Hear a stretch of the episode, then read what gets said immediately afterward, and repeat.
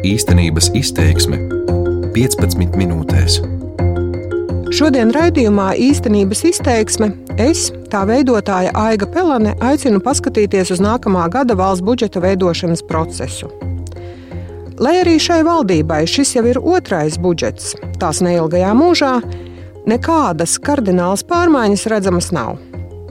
Ja veidojot šī gada budžetu, visas ķezas tika norakstītas uz iepriekšējo valdību, un mums tāpat tehniskais budžets, tad tagad daudzām lietām vienkārši nesot naudas. Vismaz tādas runas dzirdamas publiskajā telpā, un tik ļoti pietrūks sarunu par prioritātēm un to, ko vēlamies ar nākamā gada budžetu panākt, lai Latvijas iedzīvotāju dzīve uzlabotos un labklājība augtu. Kāda ir mūsu ekonomika, ko varam un ko nevaram atļauties? Uz sarunu aicināju ekonomistu, Latvijas Bankas padomus locekli Mārtiņu Kazāku. Vēl pavisam nesen Krišjāns Kariņš, mūsu premjerministrs, lielījās ar to, ka mums ir vēsturiski lielākais valsts budžets - 10 miljardi eiro. Nu, pēc tām darbībām, kas šobrīd notiek valdībā, un tālāk, kas seko kāda retorika, tā vien liekas, ka mums ir vismazākais budžets. Nekam naudas nav, nekam naudas nepietiek. Kas tas īsti ir? Tā ir nespēja noformulēt tās galvenās prioritātes, kurām vajadzētu pievērsties un kuras vajadzētu risināt. Vai vienkārši tā ir tāda, nu, tautas valodā sakot, politiķi ir iebarzušies ar tiem iepriekšējiem solījumiem. Ja mēs skatāmies uz budžetu, tā tiešām izstāsta, ka nākošais budžets būs tas lielākais, kādu mēs esam redzējuši. Ekonomika ir augusi, līdz ar to iekasētais nodokļu apjoms budžetā ir lielāks. Tas, ka notiek diskusijas par budžetu, tas ir pilnīgi dabiski. Bet tā. viņas notiek tādā plakanā līmenī.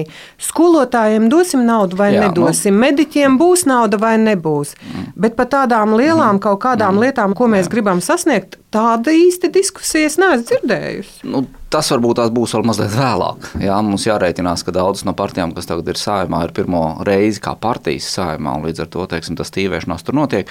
Bet uh, es domāju, ka tā ir absolūti normāla lieta, ja mēs skatāmies uz budžeta veidošanu, ka katrai partijai ir savs viedoklis, un līdz ar to ir nepieciešama kaut kāda diskusija. Ja mēs skatāmies savukārt uz to budžeta apjomu, kāds tiek dalīts, nu viennozīmīgi nu, viena no lietām ir tāda, ka vesela virkne izdevumu un solījumu ir iepriekšējās vai iepriekšējo valdību solījumi. Un līdz ar to, pat ja tas budžets ir lielākais, tas nenozīmē, ka ir ļoti daudz brīvas naudas. Daļa no tās naudas jau ir iezīmēta, apsolīta, un cilvēki to gaida. Bet vēl viena lieta, protams, ko mēs redzam, ir tas, ka notiek šis sarunu process, vismaz no publiskās diskusijas, ko mēs redzam. Tas jautājums ir par to, cik šīs partijas savā starpā spēs vienoties un vienotrai piekāpties. Jo tas arī ir absolūti skaidrs, ka visām iniciatīvām, kas ir izliktas uz galda, protams, naudas nebūs. Un tad tas jautājums ir, nu, kuras tad izvēlēsies kā svarīgākas, vai iezīmēs kaut kādu laika rāmi, kad tas notiks. Tas viss ir sarunu process.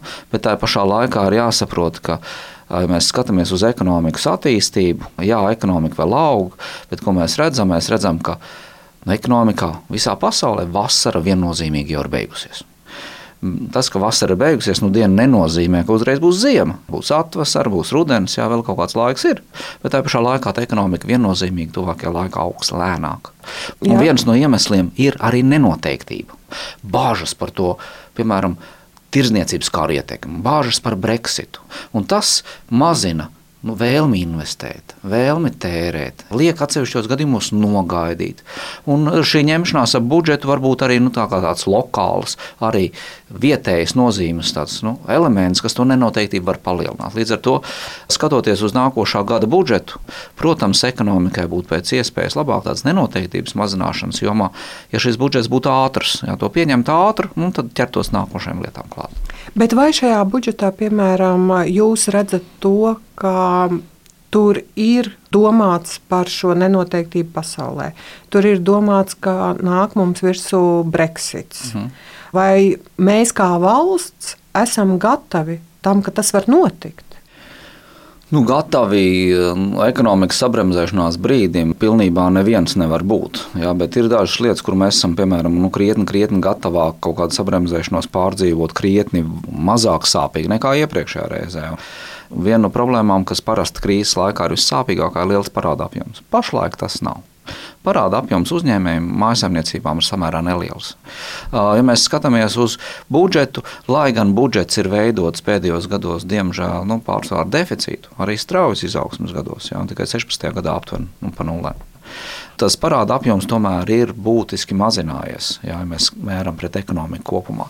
Līdz ar to Latvijas ekonomika ir noturīgāka dažādiem ārējiem šokiem nekā tas bijis citās reizēs. Bet tajā pašā laikā nu, ir vesela virkne lietu, ko vēl var darīt. Proti, tas, nu, tas nenozīmē, piemēram, ka uzreiz ir jāsāk tērēt. Pašreizajā brīdī Latvijā ekonomika jāstimulē vēl tiešā veidā nav, jā, jo izaugsme ir un arī pasaules ekonomika, lai gan nevienmērīgāka, bet tomēr vēl ar vienu augu. Mūsu eksporta tirgi, lai gan nevienmērīgāk, bet vēl ar vienu augu. Kā valsts mēs varam veikt sagatavošanas darbus, lai mēs esam gatavi tam brīdim, nu, kad tiešām tā pasaules ekonomika sabremzējas, nu, piemēram, tāpat Brexit dēļ. Un mēs varam iedarbināt kaut kādus procesus, kas ekonomikai ļautu justies labāk. Un viena no lietām, piemēram, kaut kāda liela infrastruktūras projekta. Sagatavot nevis pašlaik viņus varbūt sākt, bet sagatavot, lai viņi ir tādā gatavības stadijā, lai viņas ir administratīvi palaist vieglāk. Nu, viens šāds infrastruktūras projekts jau tiek gatavots. Tas ir Rail Baltica. Jā. Tas varētu būt viennozīmīgi viens. Jā. Es domāju, pašreizajā brīdī, ja mēs skatāmies, nu, kā gatavoties tai recesijai, veidot budžetu pārdomīgi. Pašreizajā brīdī tāda milzīga sildīšana nu nav nepieciešama, jā, bet tajā pašā laikā mums ir jāsaprot, ka ekonomika pasaulē vienmēr ir cikliska. Dažādu iemeslu dēļ, bet pēc kāpuma ir recesija, kad ekonomika sabremzējās. Kā jau minēju, Latvijai iekšējo faktoru ļoti dziļai recesijai pašreizajā brīdī nav. Tas risks ir manivāls. Bet kopumā Latvijai nav kaut kāda milzīga nesabalansētība, kas mūs var iedzīt ļoti dziļā krīzē. Līdz ar to tas lietas ir ar mierīgu prātu, jā, mierīgā veidā ir jāsakārto tā, lai tad, kad pasaules ekonomika bremzēsies, un tas sabremzēs arī mūs, lai ir kaut kādi mehānismi, ko mēs varam iedarbināt. Un viens no tiem ir lielās investīcijas. Real Baltica ir viens no tiem, jā, bet ir uh, vēl viens interesants aspekts, ka ne jau visi šie projekti ir jāveic par valsts naudu. Ja ir iespēja, piemēram, piesaistīt privāto partnerību un šo administratīvo procesu darīt caurskatām, efektīvi, tad Šādi projekti tiešā veidā budžeta deficīta ciparus neietekmēs, bet ekonomikai var palīdzēt. Līdz ar to, uz ko es mudinātu, ir, ir uh, sagatavot tos lielos projektus un skatīties, kā mēs varam to ekonomikas finansēšanu darīt efektīvāk, caurskatāmāk, lai daudzos gadījumos nu, nav jātērē arī valsts nauda. Ja mēs runājam par šo naudu, nereti tieši Eiropas Savienības līdzekļi mm. ir tie, kas mūsu ekonomiku silda palīdz viņai attīstīties un um, veicina to izaugsmi. Mm -hmm. Tagad Eiropā ir arī sākušās šīs sarunas par nākamo daudzgadu budžetu. Mm. Jūsuprāt, uh, ir redzams tas, kā Latvija saprot tās savas intereses tur. Latvija saprot, ko viņa grib. Jo atkal, publiskā telpā mm. es neesmu dzirdējusi tādas nopietnas mm. diskusijas, kas tad ir tas, mm. ko mēs gribam sagaidīt no šī nākamā daudzgadu budžeta mm. perioda. Mm. Es domāju, tur viennozīmīgi vēl ir daudz ko darīt.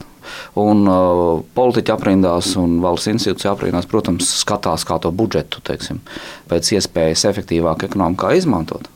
Tas joms, manuprāt, arī vēl nav ļoti precīzi nodefinēts un skatāmies kaut vai uz to nākošo nacionālās attīstības plānu, tas arī vēl nav pabeigts. Bet, manuprāt, vēl viena ļoti svarīga lieta šeit ir pasniegt šos mērķus tādā veidā, lai iedzīvotāji to saprotu un zinātu. Jo visiem piedaloties kopēji šo mērķu sasniegšanā, nu, tas rezultāts var būt krietni ātrāk un veiksmīgāk. Līdz ar to, manuprāt, tas stāsts arī nepieciešams. Kāda tad ir Latvijas mērķi? Ko mēs darām? Kā mēs darām? Kā mēs to virzamies?